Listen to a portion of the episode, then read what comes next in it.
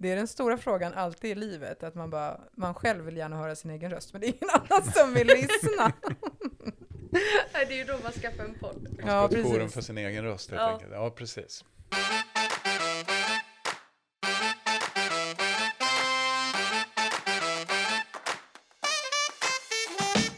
Då är vi här igen, fjärde avsnittet av Raka Gatan. Vad har hänt sen sist?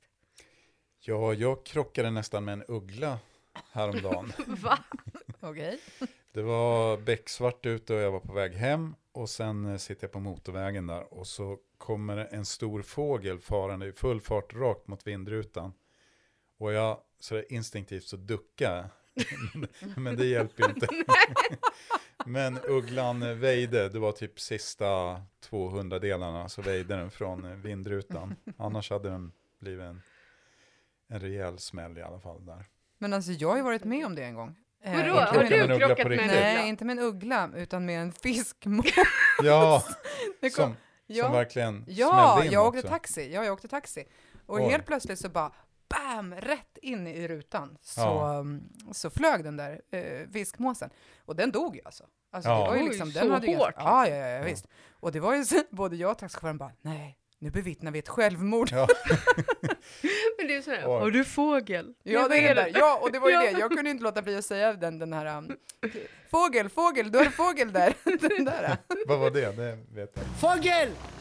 Fågel, du har en fågel här! Kom ut! Kom och titta, kom titta! Du har en fågel här! Det är något YouTube-klipp där det är någon Ja. som har så här Ja. en fågel som har typ fastnat, alltså det är jättehemskt, den har ju fastnat i, Ja, typ längst fram lämst, i ja, i grillen, grillen på bilen liksom. okej, och så är det en ja, man ja, som ja. står och ropar, du har fågel, du har fågel. Den där taxichauffören, han blir typ, han fattar ju inte, han blir ju rädd Nej. liksom. Tror att det är någon som ska Ja, luras. någon Ja, galning där. Mm. Ja. väldigt kul. ja, Ja, nej, jag krockade med en småfågel i och för sig länge sedan. Jag körde motorcykel till och med som small Oj. rätt in i bröstkorgen på mig. Och ja, den stackars fågeln bröt för nacken. Jag fick ett blåmärke bara. Oh, men jobb, så Gud. hårt liksom. ja, snabbt. det var, gick i alla fall 90 och 100 och så pang Oj, rätt pang. in i. Men gud. Men eh, ja, jag klarar mig bra. Hyfsat bra i alla fall. Har du gjort något kul Karin senaste tiden? Jag har varit på julbord. Mhm. Eh, Mm. Eller ja, mina kompisar, vi brukar, vi är fem stycken som varje år så träffas vi hemma hos någon och så lagar alla en, Ja, två. Vad rätter. Mm. Ja, Så det är som typ ett knytis? ja, och vi hade inte det förra året så att då, men det skulle ha varit nionde året. Mhm. Så, så att vi har haft det kul. ganska länge. Värsta traditionen. Ja, det är Mm. jättekul. Kul ju. Du då? Eh, nej, jag har nog inte gjort så mycket. Kul, jag har mest jobbat senaste tiden. Men jag tänker lite på, för jag har också en sån där tradition som, som eh, apropå att laga mat, så har jag en kompis, vi brukar ses typ varannan vecka.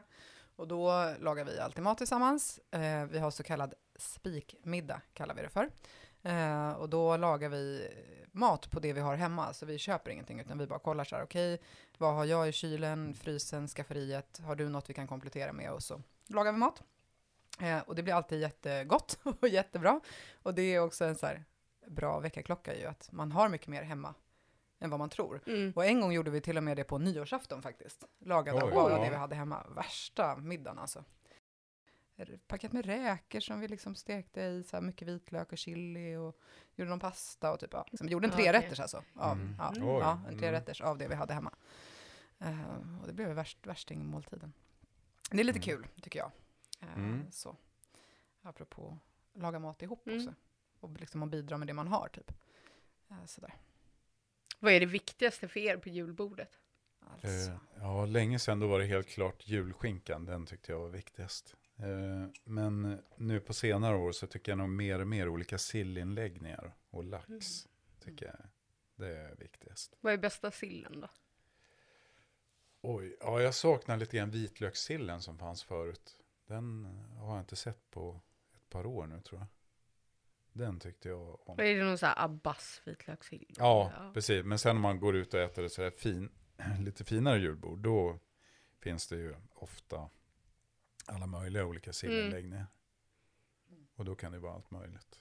Som tillfälliga som inte finns att köpa annars, Ja, ute i butiken. du då?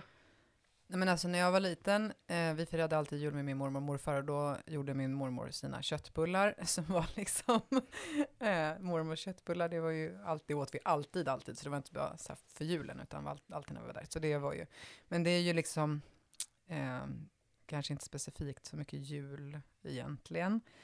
Eh, så att jag skulle nog säga, nej men jag tycker ju ändå att man vill ju ändå ha någon slags skinkmacka där. Eh, så. Eh, sen när jag eh, var gift tidigare så var min för detta man, hans eh, familj, det var väldigt mycket liksom fokus kring maten. Och där gjorde de också en egen sill, alltså som de gjorde själv Mm. då. Eh, som de kallade för farfarssillen, för det var min exmans farfar som hade gjort den där.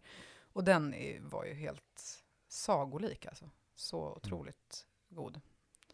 Ehm, så, men den... Vad var det för inläggning då? Vad, var det, Nej, vad men smakar alltså, det? Ja, men alltså den smakar lite... Jag vet inte exakt vad som är i. Jag tror jag har varit med någon gång när liksom någon har gjort. Men eh, den var liksom nästan lite grann åt så här... eh, Liksom Skagenhållet, fast, inte, fast mer, mer eh, liksom hummersmak. Nästan. Jag vet inte. Mhm. Här, Mm. vo- ja, det var Ja, liksom... det låter väldigt gott. Ja, det var, det bara sitter där och flumma lite med vad det var. Men, Ja. men eh, ja.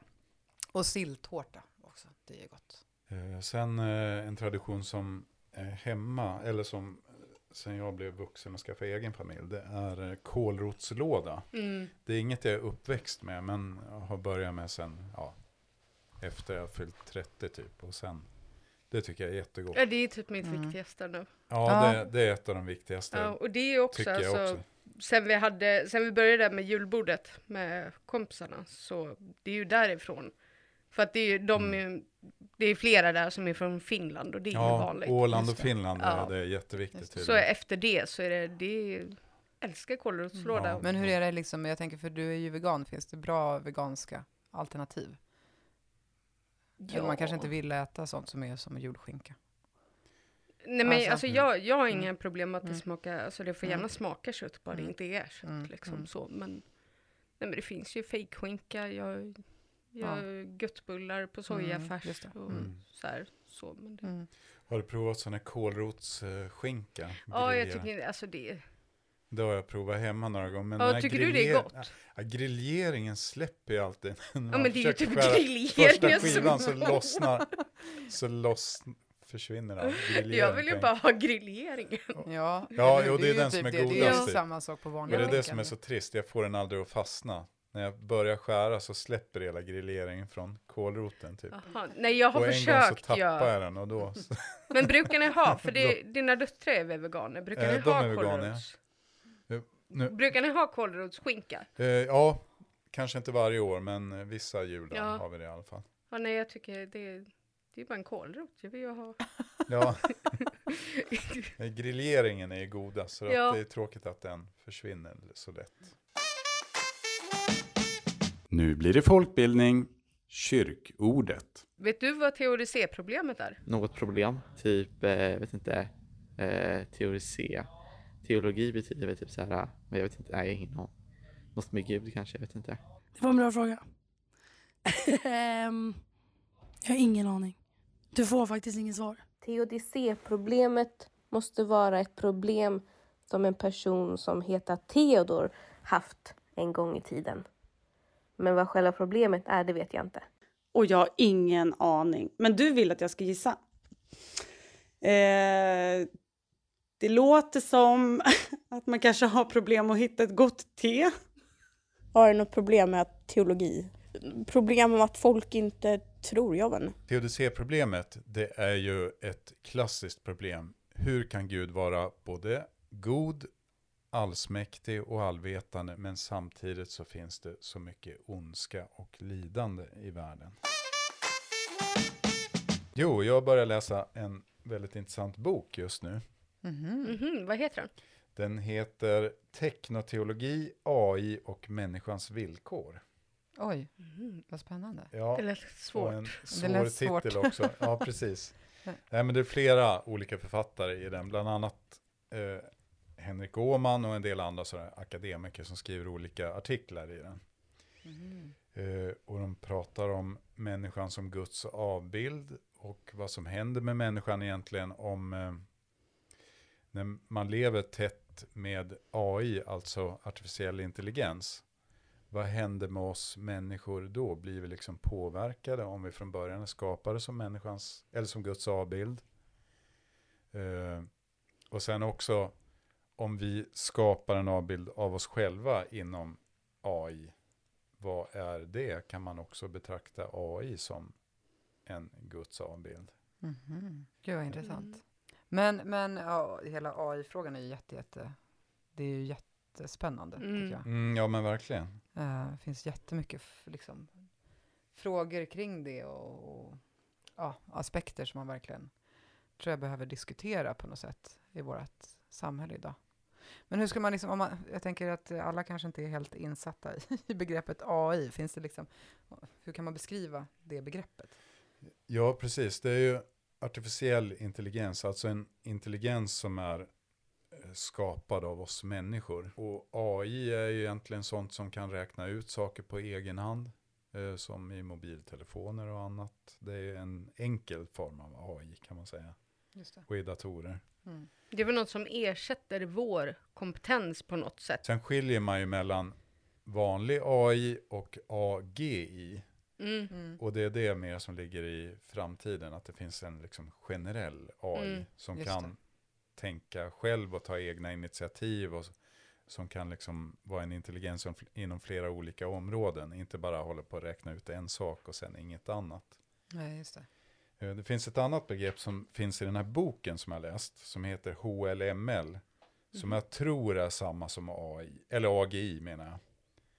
Eh, För det står för High Level Machine Learning. Ja, Och det det. betyder alltså Mm, självlärande Att den är maskiner. självlärande. Mm. Att de kan lära sig själva att de är så pass avancerade.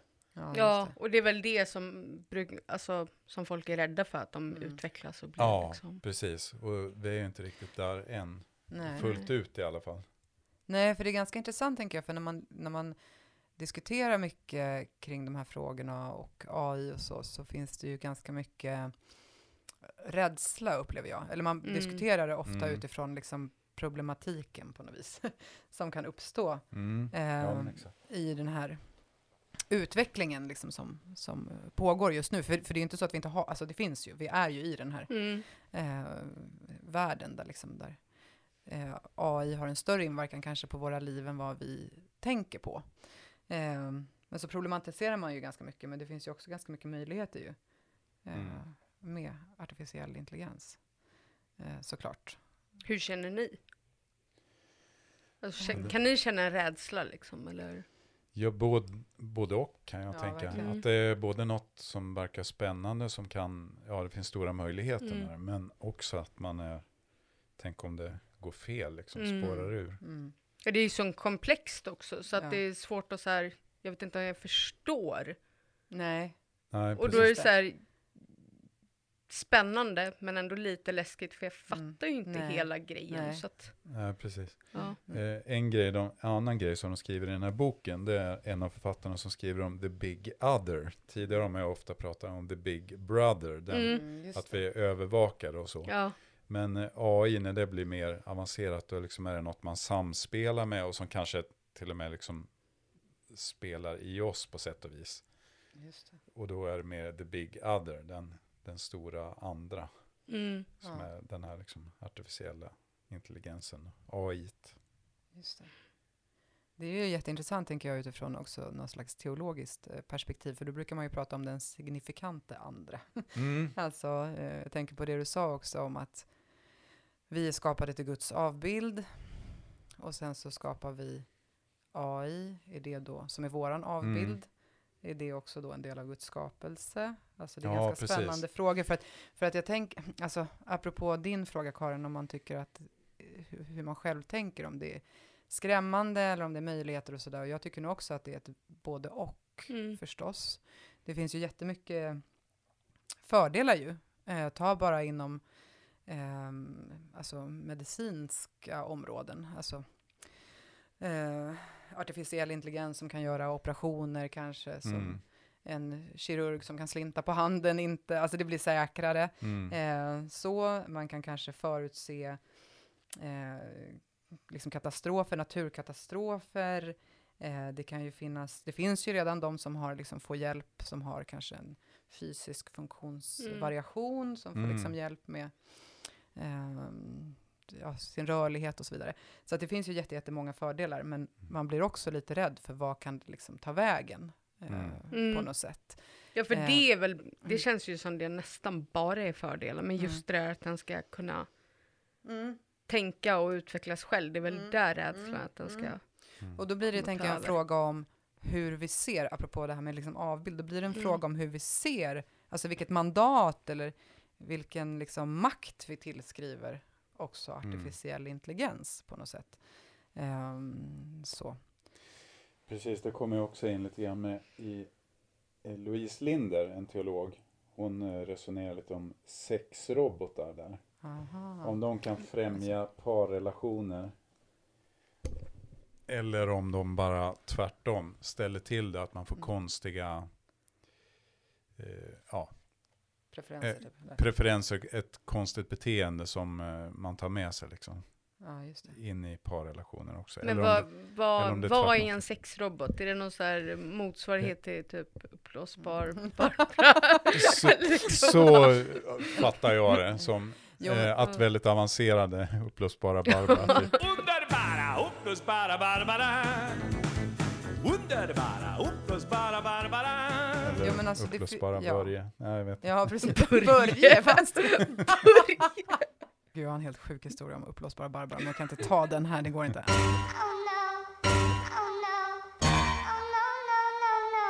Min pappa, han är ju trafikskollärare. Eh, och så skulle han vara på en så här eh, mässa och ställa ut, alltså typ så här MC-mässan eller Mm. bil och MC-mässan.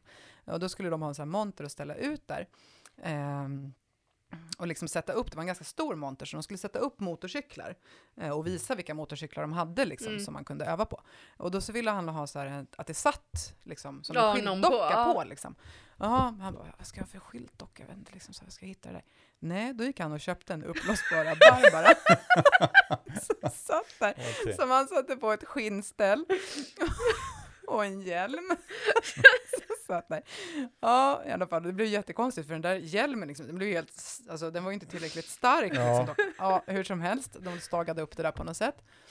Sen låg väl den där hemma hos oss, jag vet inte liksom. Och så kommer min, min mina morföräldrar hem till oss. Och då, då så ser min morfar den här dockan. Och han bara, vad är det här för docka? Är det en sån här som man övar konstgjord andning på? för den var ju helt en gapa ju, du vet. Ja.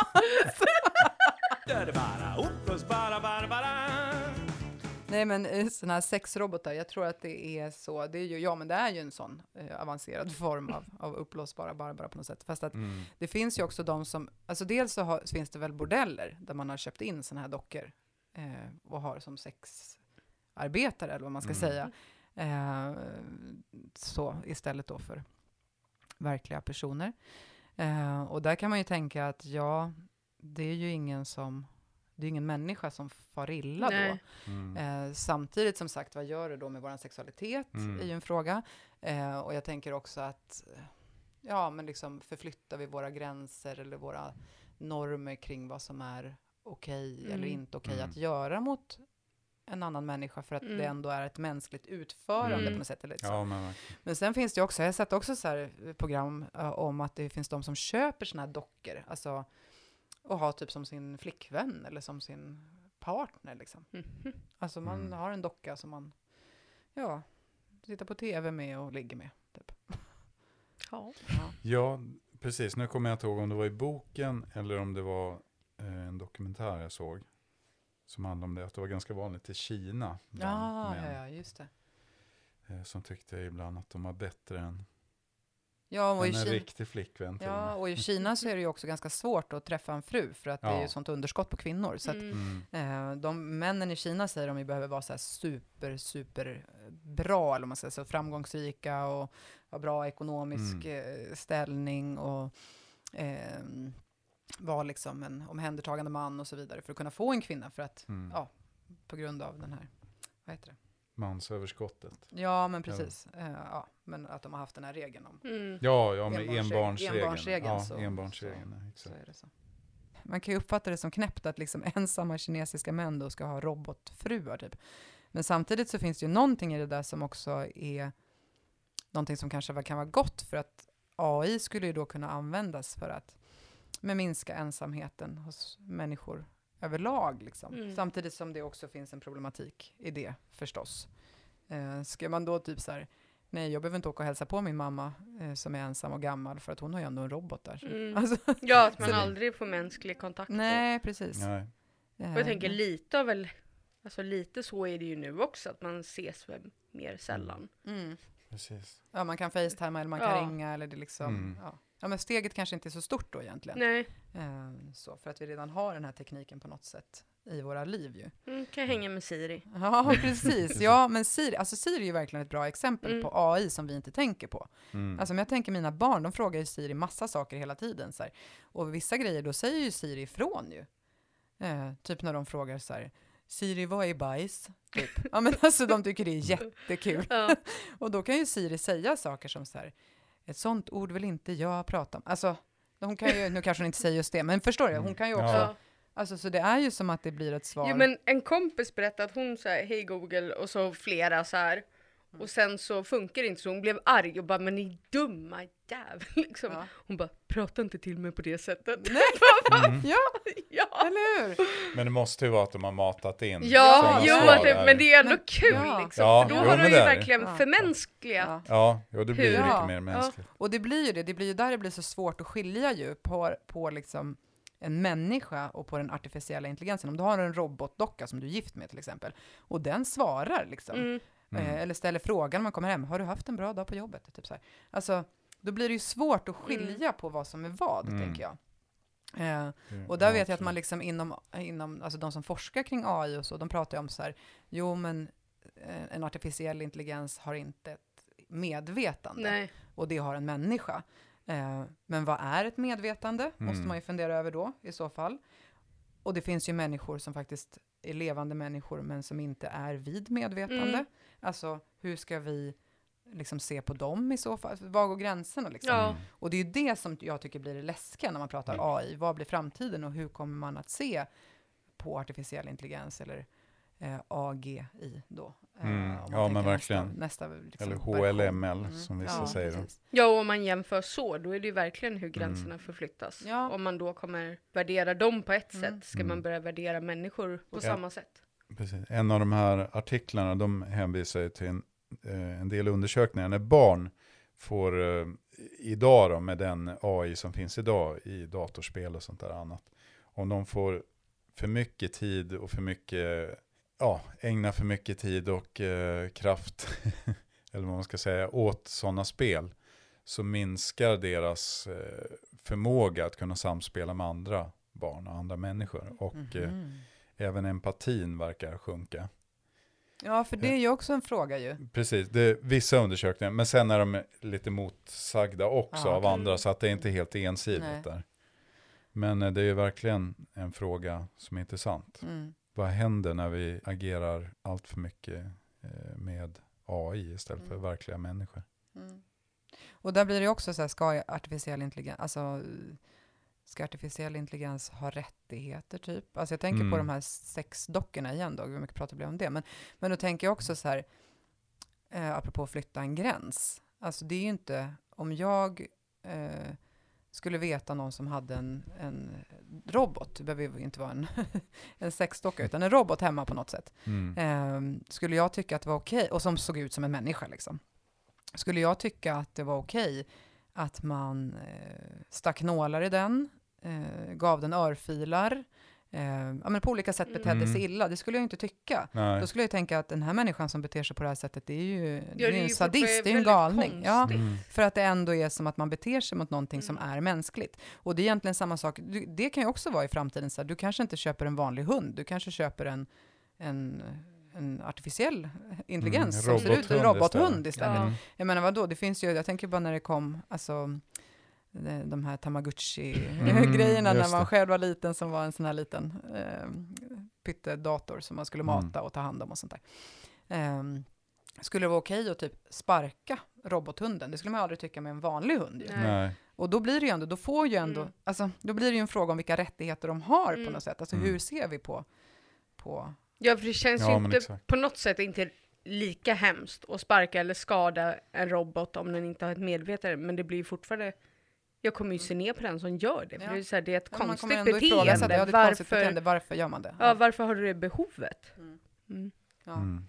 Men däremot om det hade varit en liten plast, alltså om det är en burk bara, alltså det är inget konstigt att någon blir förbannad på sin dator och bara Jävla datorjävel! Nej. Eller vad man nu, ursäkta mitt språk, men alltså Ja. förstår ni, det är ju inget konstigt. För att det är ju ingenting som vi associerar med oss själva. Nej. Men Nej. allting som får formen eller liksom uttrycket av ett liv, Mm. det börjar man ju också betrakta på ett Mm. annat Ja, sätt. exakt. exakt. Eh, och då blir ju grundfrågan liksom, vad är, alltså för alla de här frågorna blir ju en, en grundfråga, vad är ett liv Mm. på något sätt? Ehm, det är väldigt, ja det är väldigt intressant. Jag tänker att det är så himla viktigt att det finns liksom etiska kommittéer och etiska råd och regelverk som någonstans reglerar eh, den artificiella Mm. intelligensen också. Ehm, så. Och där blir det också svårt, vem ska i så fall stå för det?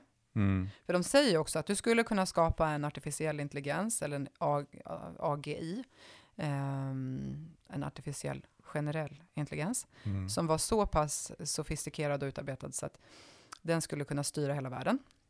Och då skulle den kunna göra så att alla jordens resurser fördelades rättvist. Då skulle vi utplåna liksom svält eh, Mm. och eh, orättvisa. Den skulle kunna se, förutse ja, men, ehm, klimatförändringar och så vidare och, Mm. och se att gör på det här sättet, lev på det här viset, eh, så kommer liksom inte det här och det här hända, konflikter och så vidare. Då skulle vi liksom få ett perfekt samhälle Mm. på något sätt. En god Eh, diktator. Ja, en god Mm. diktator, en artificiell god diktator. Mm. Men vad händer med oss då? Alltså då blir ju mitt eget handlingsutrymme blir väldigt, väldigt Begränsat. snävt och begränsat. Ja, ja, precis. verkligen. Och det är ju egentligen det som man, alltså när man pratar om Gud, varför agerar inte Gud? Varför gör inte Gud någonting när världen ser ut som den gör och så vidare? Och det man då kallar för teodicéproblemet. Eh, det är ju precis samma fråga. Mm. Alltså att om Gud skulle kunna göra allt så skulle människans handlingsutrymme också bli väldigt begränsat. Mm. Och på så vis så är det ju egentligen, jag tänker att de här frågorna ganska mycket är frågor som också vi diskuterar Mm. inom religionerna. Mm. Alltså vad är ett liv? Ehm, vad händer om vi har en, en allgod, för en artificiell intelligens som kunde liksom plåna ut orättvisor i världen får man väl ändå säga är en god Mm. kraft, liksom Mm. en god diktator. Precis.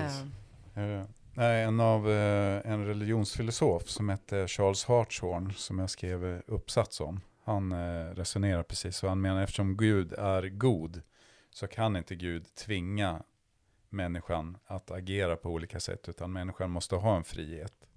För kärlek och godhet kräver frihet i relation till andra. ja, just det. Och därför kan inte Gud eh, eh, diktera och styra och tvinga människor att agera på ett visst sätt. Nej, nej precis. Nej, och jag vet ju att eh, det var väl så, för att jag tänker det finns ju, det är också en fråga, äh, men, ja, vem har liksom mandat på något sätt? Eh, och där eh, vet jag ju att eh, Google, de tillsatte ju någon slags kommitté som skulle vara liksom en kommitté som skulle diskutera etiska och moraliska frågor kring den artificiella Mm. intelligensen. Eh, och jag tror att den kommittén lyckades liksom hålla ihop i en vecka. Mm. Sen blev de för osams eh, för att man hade så olika idéer om vad som är en god moral, en god etik, eh, vad som är rätt och vad som är fel. Mm. Eh, så det är ganska svårt. Och där blir det ju också, det blir ju ett uttryck för att vi har ju våra egna, vår egen vilja, våra egna tankar, våra egna liksom trossatser. Eh, och det är svårt att lägga dem åt sidan. Och vad blir då ett liv om man Mm. inte heller har det som är sin, sin person? Sen så kan man ju tycka att sitter Mm. man i en, en etisk kommitté, då borde man ju kunna diskutera etiska principer mer än, än sitt eget tyckande kanske, eller sina egna åsikter. Man borde kunna skilja Ja. på det, för det är Mm. det som är att reflektera etiskt. Ja, men verkligen. Nej, men apropå Google så har ju Googles grundare Eric Schmidt sagt du behöver inte skriva alls. Vi vet vad du är. Vi vet vad du har varit. Vi kan mer eller mindre veta vad du tänker på. Det är lite läskigt. Det är lite läskigt. Ja, det är lite läskigt. Ja, faktiskt. Jag har hört att Facebook kan förutspå om en relation ska ta slut innan jag man själv vet om Ja. det. Det är också. Helt sjukt. Ja. Facebook, ska ju, Facebook har ju precis bytt namn till Meta för att de planerar att skapa ett metaversum.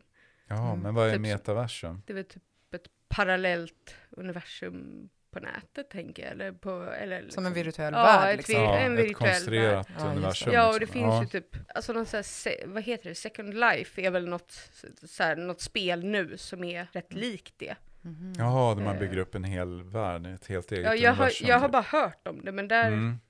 Där har jag hört att folk typ, man kan jobba, jag, jag kan typ göra kläder till det spelet, så säljer jag det spelet och tjänar pengar. Så att det blir Ja, tjäna att, riktiga pengar alltså. Ja, och då blir det ju Ah. som att man lever i, i spelet. Ja. Och då, då ska väl, jag, jag förstår det som att de tänker ta det här ännu längre då. Ja.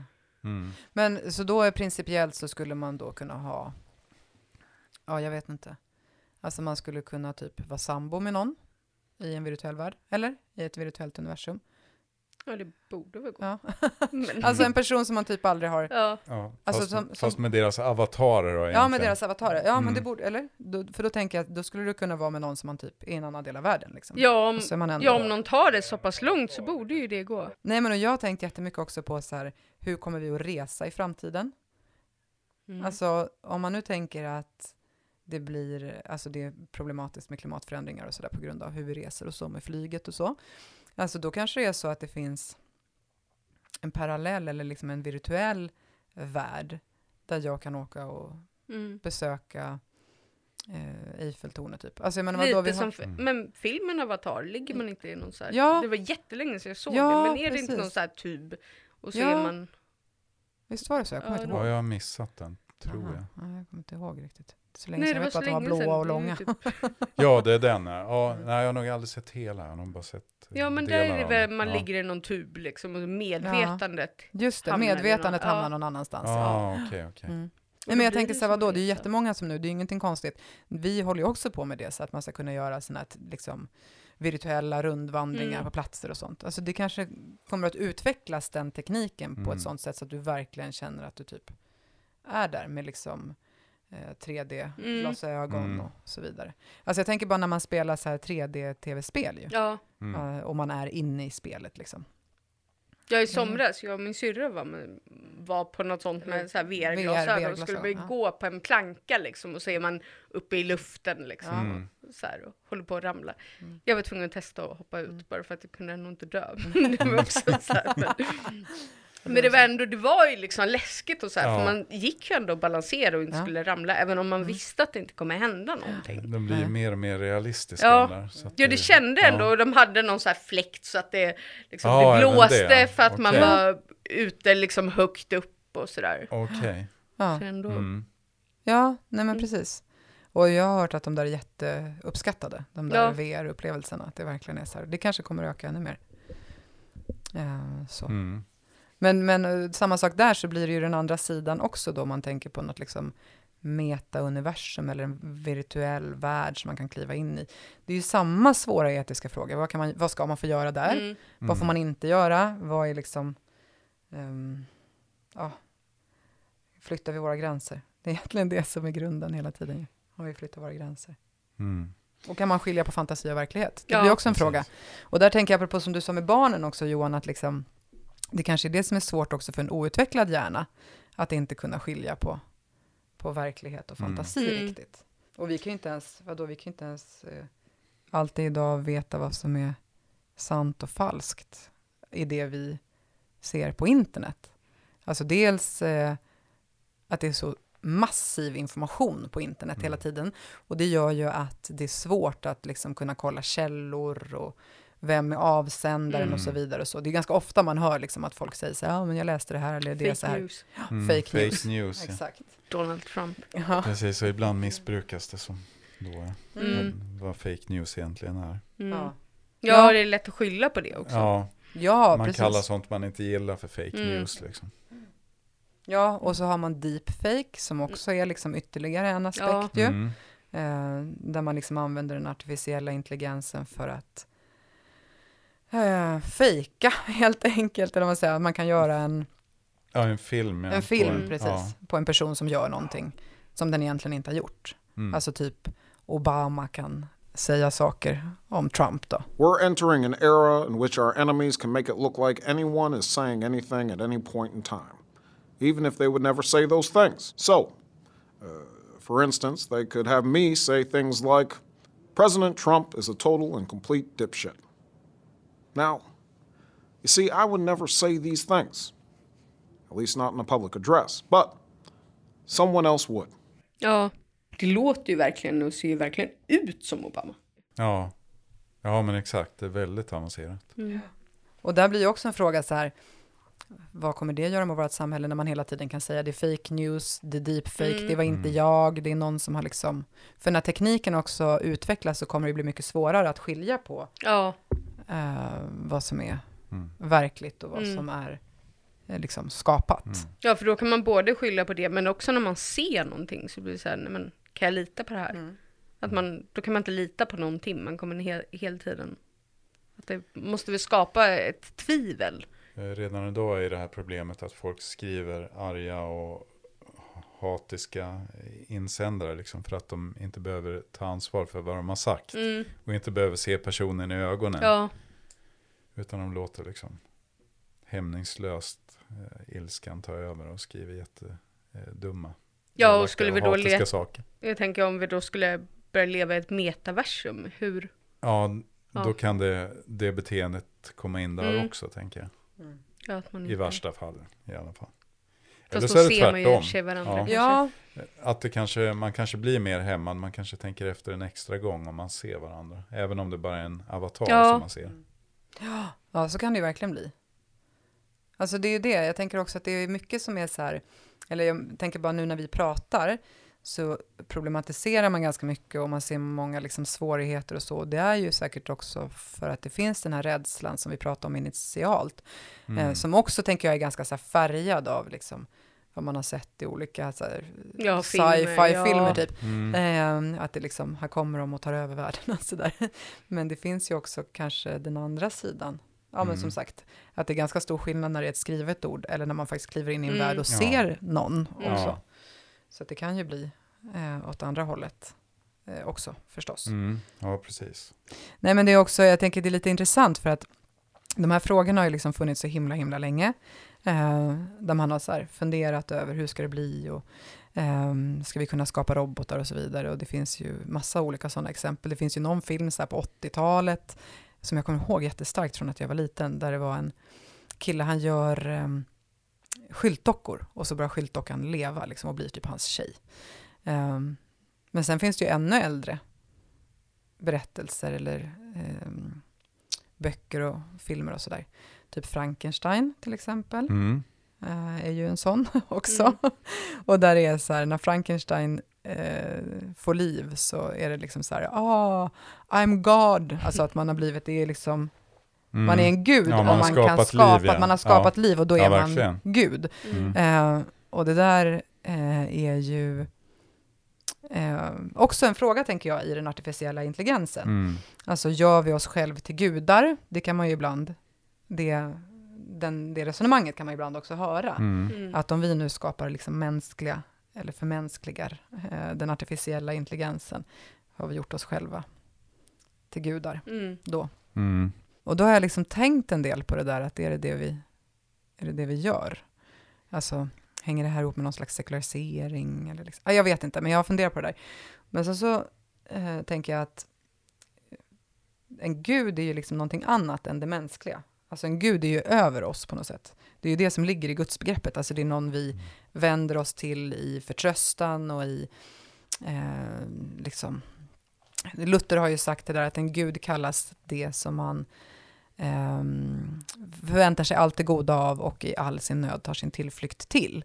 Och så är det ju inte när vi skapar artificiell intelligens, för den är ju liksom någonting som vi skapar. Men ibland jämför man ju Facebook med, med en gud. Ja. Liksom för att man Mm. vänder sig, ja men Mm. det spelar ingen roll vem som ser och vem som läser, men att få dela och att någon... Ja, just det. Mm. Att det Ja, precis. Precis. De är inne på de frågorna i den där boken jag Mm. läser också. Nu kommer jag inte ihåg exakt hur de resonerar där, men, Nej. men att de lyfter ju dem, den typen av frågor i alla fall. Mm. Men jag tänker att det som blir grejen är att alltså det är inte jag som blir guden när jag skapar den artificiella intelligensen, Nej. utan Mm. då är det ju snarare att jag skapar en gud. Mm. Är ni med på vad jag menar? Mm. Mm. Ehm, för att om det hade varit så att jag var gud, då hade ju allting varit, då hade den artificiella intelligensen inte kunnat överträffa människan. Nej. Men om vi skapar någonting som kan överträffa människan, då är det som att vi skapar en gud. Mm. Eh, och det är ju spännande utifrån någon slags sekulariseringstanke. Och vi skapar jag. Du- någonting du som ska vi har ett behov av. Ja, Precis. precis. För det är ju också så här, vad är egentligen behovet av Mm. artificiell Mm. intelligens? Har vi det behovet? Precis. Och I Bibeln står det ju, du ska inte göra dig något B-läte eller avbild. Det är precis det man gör då egentligen. Ja, det är det ju. Man skapar sig en gud som man, Mm. som man vill Ja, ha. precis. Ja, det är guldkalven typ. Ja, ja Mm. men eh, exakt. Mm. Apropå Guldkalven så har jag sett eh, i tv-reklam ett av alla de här nätkasinorna som de gör reklam för precis hela tiden. Eh, där är ett av nätkasinorna eh, som har en symbol i form av en guldkalv. Mhm. Och eh, det kommer ju från Bibeln och det är ju precis den här historien hur de dansar kring guldkalven när Mose var borta för länge. Så Just gjorde de sig en egen avgud där. Gud vad intressant. Det måste ju vara medvetet att de har gjort så. Ja, jag tänker det. Det måste Ja. det vara. Det där är ju också spännande. Det skulle vi kunna prata om någon gång i något avsnitt faktiskt. Alltså att hur, för det finns ju ganska mycket religiösa eller kristna symboler i alla möjliga olika sammanhang ju, som man Mm. inte Mm. tänker på att det är det. Nej, precis. Och även kopparormen tänker jag som är för apotek och sådär. Som också kommer från Just det. Moseböckerna. Just det, de har en sån här liten orm typ på sina emblem och på eh, apoteksloggor och så. Ja, precis. Apoteksloggor och farmaceuter och så. Mm, just det, tror jag just det, just det, har just det det. också. är Och eh, ja, jo men verkligen. För att det är också en historia från Moseböckerna. Hur de är, har blivit straffade för att de har gjort dumma saker och de blir sjuka. Men om de tittar på en kopparorm eh, som de har låtit göra då, eh, på Guds uppdrag, då blir de helade och friska igen. Mhm. Ja, det skulle Just vara det. jätteintressant Mm. att prata om. någon Ja, det vore lite kul. Mm. Mm. Det får vi göra i något, något poddavsnitt någon gång. Mm, jo, det finns rätt Ja. många sådana där. Ska vi sätta punkt då? Mm. Ja, Ja, det gången. kan vi väl göra. Ja, absolut. Mm. Ja, och snart är det jul. Ja, det är det. Mm. Det är inte lång tid kvar. Vi får önska alla god jul. Ja, Ja, god jul god jul God, God jul. jul. och gott nytt år. och gott nytt år. Ja, gott nytt år också.